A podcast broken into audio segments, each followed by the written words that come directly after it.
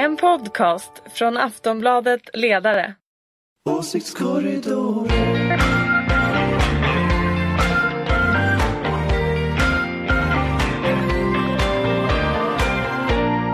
Ja, vi ser att det är ett oerhört intresse för denna extra insatta punkt. Um, Kom in, kom in, kom in och sätt er. Enormt intresse, Karin. här. Ja. Eh, det, vi fick lite, det var lite kris igår. eh, att det var något strul här, så det var inte tillräckligt många programpunkter i tältet. Så då eh, blev vi uppringda och vi var tvungna att hitta på någonting. Helst eh, intervjua någon politiker. Och det är ganska svårt att få hit en politiker på väldigt kort varsel. Eh, så då tänkte vi, eh, what would Mattsson och Helin do? Eh, och då, de skulle då inte intervjua någon, utan de skulle bara stå här och prata själva. Eller hur? Eller hur? I en och en halv timme. Så då tänkte vi att vi gör det helt Men enkelt. det är också lite det Almedalen, Almedalsveckan går ut på. Journalister som intervjuar andra journalister. Inför, andra journalister. Inte bara journalister, men några journalister här. Ehm, Vi tar det till the next level. Ja, men inte en och en halv timme, utan 20 minuter, 20 minuter. tänkte vi hålla oss till. Um, Karin, som jag nu ska intervjua. Eh, du är politisk chefredaktör för en socialdemokratisk ledarsida. Det är sossarnas dag. Mm. Hur förhåller man sig? Det är en bra fråga. Eh, det gäller... Tack, Karin. Tack. Ja, varsågod, Katrin. Mycket, mycket bra fråga. Intelligent. Eh, och för att svara på den lite seriöst så kan man väl säga att det gäller att förhålla sig med eh, distans. Ja. Och eh, att inte, jag tror tricket är att inte prata för mycket med socialdemokrater överhuvudtaget, utan Okej. hålla sig borta, kanske helst eh, inlåst på ett rum Ja. och titta på saker och ting på TV. Så att För- man inte fångas upp i någon slags eh, bisarr stämning. Okej, eh, man som då skulle huvud- vara en, en partistisk stämning. En partistisk, eh, man ska undvika det här Stockholmssyndromet så långt som det bara går, hålla huvudet kallt, låsa in sig Ja. och eh, tänka själv. Tänka själv, okej. Men eh, hur, alltså, som en socialdemokratisk ledarsida, är du liksom först och främst journalist eller är du socialdemokrat? Jag ser mig själv som publicist. Publicist? ja, ja. Nej, men jag, eh, jag ser mig själv eh, som en person som i första hand i den här rollen vill driva opinion för eh, värderingar som jag tror på. Jag är väldigt, väldigt lite partist. Vi brukar säga att vi står på de socialdemokratiska värderingarnas sida och inte på Ja. det socialdemokratiska partiets sida, vilket alla som läser ledarsidan också tror jag noterar, att vi inte så ofta står på själva partiets sida. Vem i regeringen känner du bäst? Eh, jag känner inte någon speciellt bra. Jag har ju jobbat tillsammans med eh, Magdalena Andersson, eh, så att jag känner henne lite grann. Men de andra känner jag inte speciellt bra alls. Vad är opinionsjournalistikens roll då? Opinionsjournalistikens roll tycker jag är att eh, fördjupa, eh, att driva opinion, att tydliggöra vad politiken egentligen handlar om. Politiker låtsas, eh, särskilt idag i liksom trianguleringens tid och den mittenorienterade marginalväljarkåta liksom, politikens tid, så låtsas politiker ofta om att det inte handlar om värderingar. Och jag tycker att opinionsjournalisternas roll är att tydliggöra det och tvinga fram, tvinga ut liksom, värderingarna på banan och visa att det är ändå det det handlar om. Så det finns väl en, en trend som man pratar om att mer och mer journalistik blir mer och mer politiserad även i Sverige. Jag bor ju i Storbritannien där tidningarna är extremt eh, politiserade på nivån att du måste liksom kolla fakta i en tidning med liksom någon annan källa för att, för att veta om det, om det stämmer. Ehm, tror du att vi kommer få en sån utveckling i Sverige och inte det är problematiskt? Jo, det är problematiskt. Jag vet faktiskt inte eftersom medielandskapet, eller med, mediebranschen är i djup kris och det är oklart var liksom framtidens fi- finansiering ska komma ifrån. Jag kan tänka mig ett scenario där liksom rika välgörare går in och finansierar eh, journalistiska projekt och gör det utifrån liksom en tydlig värdegrund. Eh, och, det, och då kan man ju ställa frågor kring liksom hur det färgar och påverkar journalistiken. Aftonbladet var ju långt in på 80-talet en tidning som var politiserad på nyhetsplats och jag tycker det Eh, det blir ju väldigt dålig och tråkig journalistik av, ja, av den typen av liksom ingångsvärden. Så jag hoppas vid Gud att vi inte är på väg tillbaka dit. Och jag skulle tycka själv att det var väldigt, liksom, en tråkig miljö. Så man får skilja på opinionsjournalistik och nyhetsjournalistik, tycker jag. Givetvis. Det finns de som tycker att Aftonbladets ledarsida har en hög, högt tonläge. Nej, Jo, det har jag aldrig hört. du har aldrig hört det? Ja, vad svarar du om det? Jag, jag tycker att, eh, som sagt, när, när politikerna är så pass, eh, gömmer sig så pass mycket och inte vill liksom, tydliggöra konflikter, då tycker jag att det är vår roll att göra det. Sen tycker jag också att det kommer med kvällstidningsgenren. Alltså, det är en annan genre än... Kvällstidning och morgontidning är olika saker, det är olika tonläge, man skriver för olika publik, det är andra tilltal. Och jag tycker att det är roligt att jobba på en kvällstidning som kan ta ut svängarna och som kan ha roligt och som kan vara tydliga och att det liksom hänger ihop med den produkt man jobbar för eller liksom med den, den tidning som opinionssidan, opinionsmaterialet finns i. Mm. Så jag uppskattar kvällstidnings ledar opinionsjournalistikgenren i kvällstidning mycket mer än i morgontidning som mm. jag jag tycker det är så tråkigt nu för tiden att knappt läsa morgontidningsledare. Jag gör det ju i jobbet. Du, gör det. du läser? Ja. ja okay. um, ehm, men en sak som jag kan tycka är lite, kanske lite tråkig är att eller det finns ett väldigt um, hög tröskel i, eller låg tröskel kanske, men jämfört med i, i Storbritannien så kan um, kvällstidningarna, de har kan använda humor i rubriker ja. och liksom ironisera och så vidare. Ja. Och det finns det väldigt låg tolerans för i svensk media generellt. Det vet så fort man... Folk blir kränkta. Folk blir kränkta, folk blir arga, folk liksom, det, det är en annan tradition helt enkelt. Ja, men det, och det håller jag med om. Och jag tycker nog att vi skulle kunna bli en, ta ut svängarna ännu mer, att det skulle finnas utrymme för det. För eh, mer humor kanske framför allt. Mm. Eh, och eh, ironi och eh, liksom slängar. Det tycker jag. Så att jag kan utlova ett ännu högre tonläge. ännu högre tonläge. Okay. Framförallt tycker jag att det är roligt om man kan variera sitt tonläge. Ja, ja, för det är väldigt viktigt att vara seriös också. Liksom. Du står ju mycket för seriositeten. Jag står för seriösa, ja. ja. Seriositeten, ja det är bra. Det är bra. på ett plan är det konstigt att stå här i Almedalen och analysera tal och så vidare som vi kommer göra den här, den här veckan eftersom hela världen på något sätt står i brand och det är bara en kris efter en annan. Idag är den, den stora nyheten är ju Grekland och och um, bankerna som är, som är stängda. Uh, det är folkomröstning på, på söndag, extremt dramatiskt. Jag förutsåg inte att det skulle, skulle gå så här kan jag säga. Jag tänkte att de, de var ändå ganska nära varandra känns det som i förhandlingen och att mm. man skulle inte ta det så här, så här långt. Är det här en medveten strategi från den grekiska regeringen att liksom ta det till folkomröstning?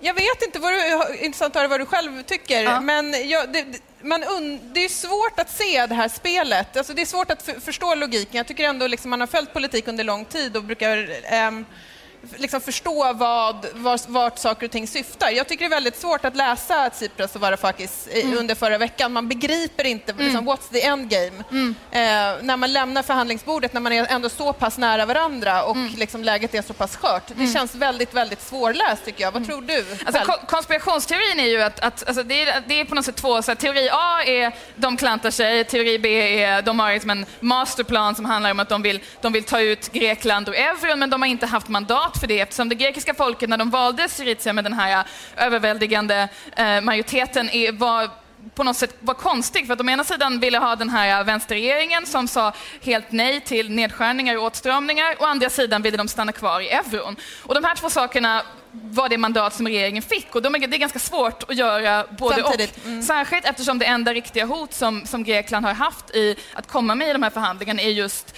uh, vi lämnar euron för ja. det skulle vara en så stor prestigeförlust. Mm. Um, så att, uh, det är väl det kanske det positiva sättet att se på den här folkomröstningen, att det kan uh, i alla fall ge dem en tydlighet kring ja, finns det ett mandat för att lämna euron eller inte? Sen är det väldigt svårt att säga att någonting bra kan komma ur det här kan jag tycka. Jag tycker det som saknas i diskussionen om Greklandskrisen har gjort under lång tid. Jag försöker följa det här på distans. Jag kan inte mm. Grekland, jag läser affärstidningar och jag läser liksom internet. Millions of people have lost weight with personalized plans from Noom. Like Evan, who can't stand salads and still lost 50 pounds. Salads generally for most people are the easy button, right? For me, that wasn't an option. I never really was a salad guy. That's just not who I am. But Noom worked for me. Get your personalized plan today at Noom.com. Real Noom user compensated to provide their story. In four weeks, the typical Noom user can expect to lose one to two pounds per week. Individual results may vary. tidningar och sådär. Men det är ju att det, det bevak, bevakningen sker av ekonomijournalister mm. och det behandlas som ett ekonomiskt problem och ett ekonomiskt dilemma och liksom euron, vad ska hända med banker, vad ska hända med valutor, vad ska hända med liksom skuldsättning och vem ska få betala hit och dit. Men jag saknar väldigt mycket en, en politisk analys och det här har vi pratat om. Att, mm. att det är ju liksom andra saker som står på spel, kanske framför allt. Kanske mm. inte... Det är ändå 1,8 procent ja. av, av eurozonens BNP. Det är inte ett jättestort land. Vi pratar inte om Spanien. Nej, vi gör inte det. Och det, det är väl ett miss, jag tror att det är ett misslyckande också för journalistiken och kanske också för opinionsjournalistiken, om man ska vara lite självkritisk, att inte göra bättre eh, liksom polit, politiska analyser. Det är inte bara opinionsjournalister som ska göra det. Men jag tycker också att det är ett misslyckande av eh, ja, av politiken. Mm. För om man följer till exempel kommentarer i Sverige, då är det Magdalena Andersson som uttalar sig om att... Eh, som har en presskonferens strax Som har en presskonferens strax klockan 11 som säger att ja, i stort sett liksom följer Anders Borg i spåren och säger gre eh, grekerna är lata, de får skylla sig själva och eh, ja, liksom, mm. fixar de inte det här så kan de dra åt helvete. Nu säger mm. hon inte så, men det är det hon menar. Och då undrar jag, okej, okay, men vad händer med Europa, liksom, projekt Europa, vad händer med relationerna till Ryssland, mm. vad händer på Balkan? Alltså, vad händer om mm. det här faktiskt inträffar? Mm. Kan jag få en politisk analys av det? Ja. Kan någon hjälpa mig att sätta in det här i den kontexten? Ja. Jag är bara en enkel ledarskribent. Polischefredaktör på Skandinaviens största ja, men jag är ingen, jag är ingen Greklandsexpert och jag förväntar mig att, ja. att politiker som ändå är stakeholders i det här skulle göra den analysen, men vi får den aldrig. Nej, de säkerhetspolitiska implikationerna skulle ju potentiellt vara, vara enorma. Grekland som ligger där det ligger, Balkanregionen är inte... Det var 20 år sedan det var krig där, det är inte världens mest stabila, stabila region. Du har starka ryska intressen där, um, rys, ryska pengar. Risken är som många pratar om att Grekland, om de lämnar euron, kommer vända sig mot Ryssland. Du har de stora flyktingströmmarna som kommer som landar i Grekland. Alltså en, en, ett helt kollapsande samhälle som du skulle kunna få egentligen, oavsett om det blir ja eller nej på söndag, beroende på hur det där, hur det där slutar. Det, det är en enorm politisk ja. risk. Och det, jag tycker en sak som är bekymmersam, och, och det, det, här pratade vi om i morse, för att när vi skriver om Grekland och eh, man gör det, försöker göra den typen av analyser och så säger man det liksom, risken är med om de lämnar. Det enda reaktionen man får från läsare det är eh, de, kan skylla, de kan skylla sig själva, de ja. kan dra åt helvete och eh, ja, det, det blir bara bättre för alla. Mm. Och då, är det ju, då har någon misslyckats kapitalt ja. med att förklara vad som egentligen står på spel. Ja. Och då har liksom hela den här processen där man har reducerat den här frågan till en fråga om, om ekonomi. Ja, och, och, och, och även om moralism, om vem som... Alltså, jag kan, det, det som, självklart, det är en viktig diskussion, så här, hur Grekland släpps in i euron och hur de tog på sig de här skulderna, men just nu så handlar det faktiskt inte om det. Nu Nej. handlar det om att lösa, lösa de, här, de här problemen. Och man skulle också kunna argumentera för hade man skrivit ner skulder redan 2010 så hade mycket av de här problemen som man nu har hamnat i undvikits. Skrev inte vi det här på Aftonbladet? jag måste faktiskt kolla om vi skrev det. jag hoppas att vi skrev det. Jag hoppas att vi skrev det. Nej, men det, det är naturligtvis lätt att vara efterklok, men och också det här alltså, det, det har pågått nu, det är åtminstone fem år. Mm. Och det tror jag ändå, de som ändå är positiva till den här folkomröstningen kan, tror jag kan känna alltså, i resten av Europa, här, och det blir i alla fall något, någonting kommer hända, det kommer få någon typ av, det finns något, något endgame, någon, någon form, av, form av slut.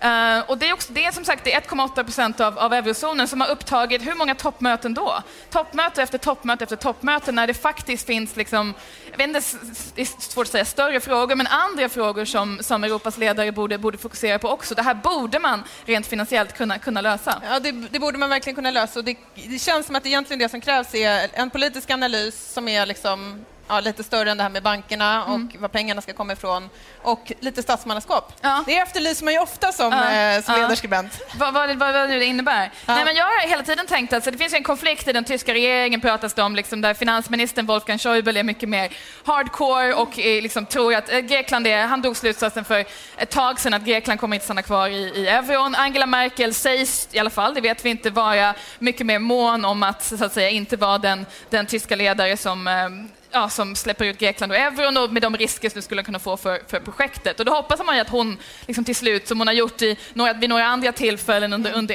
eurokrisen, så att säga, eh, sätter stopp och just för att hennes politiska analys kommer trumfa ja. den, den, ekonomiska. Så att hur mycket vi än har skällt på Merkel de senaste åren så är det ändå, ja. ändå henne vi hoppas på nu. Och det kan vara för sent nu, för det nu är det, ju, det är ju, alltså, kan man ens tala om en valutaunion när man har kapitalkontroller och uttagstak? Mm. Alltså, det är som att man inte skulle kunna få flytta pengar från Sverige till, eller från, från, Sverige, från Skåne till Jämtland. Alltså, kan man då tala om att vi har en svensk krona?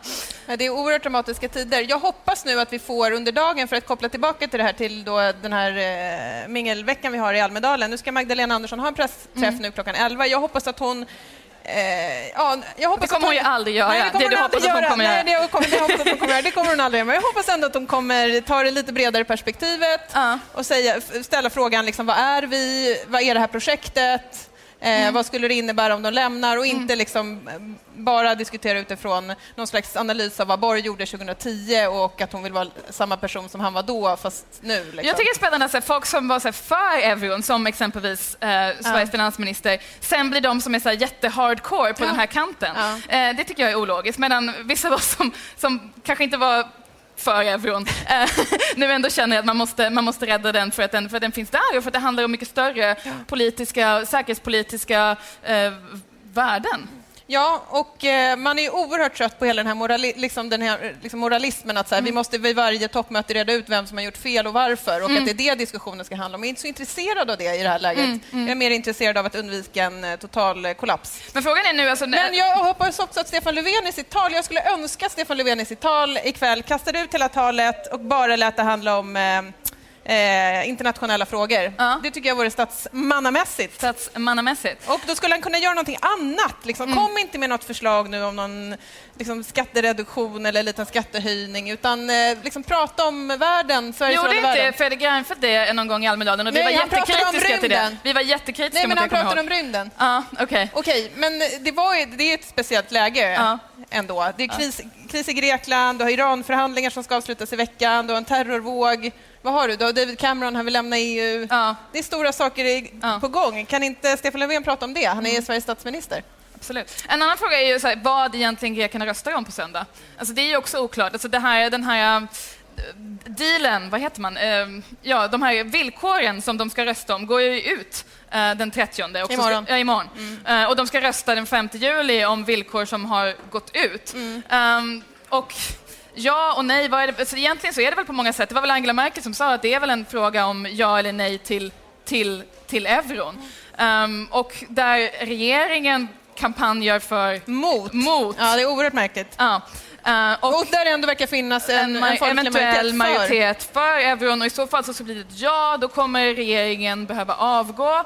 Ehm, och, ja, och det, det egentligen i bä- bägge de här scenarierna kan man, kan man se kaos. Alltså folk, folk pratar, vi har pratat i fem år om Grexit och nu Mm. pratar man ju om Graccident, alltså att det skulle kunna hända ett utträde på rent... Ja, Ja, som, man halkar kan, ut. som ändå inte kanske är en olycka utan kanske är någonting som den politiska ledningen för det här landet faktiskt vill Ja. nå, säger eh, liksom konspirationsteorierna. Precis. Emot då folkets vilja, vilket Ja. är oerhört intressant. Och där de kommer nu under veckan kampanja för att liksom rösta nej och Mm. ha en väldigt så, nationalistisk och rätt otrevlig retorik kring det. Absolut, absolut. Men eh, vi skulle kunna prata om det här hur länge som helst. Absolut, men nu är det dags för andra programpunkter här. Så att, eh, vi är väl glada att någon kom på det här. Det blev ju fler och fler under Ja. poddens gång. Uh, detta extrainsatta Ja. ehm, lilla podd. Ehm, så tack så mycket. Och tack Karin. Tack Kul Katrin, dig. bra, Ja. bra gjort! Bra gjort.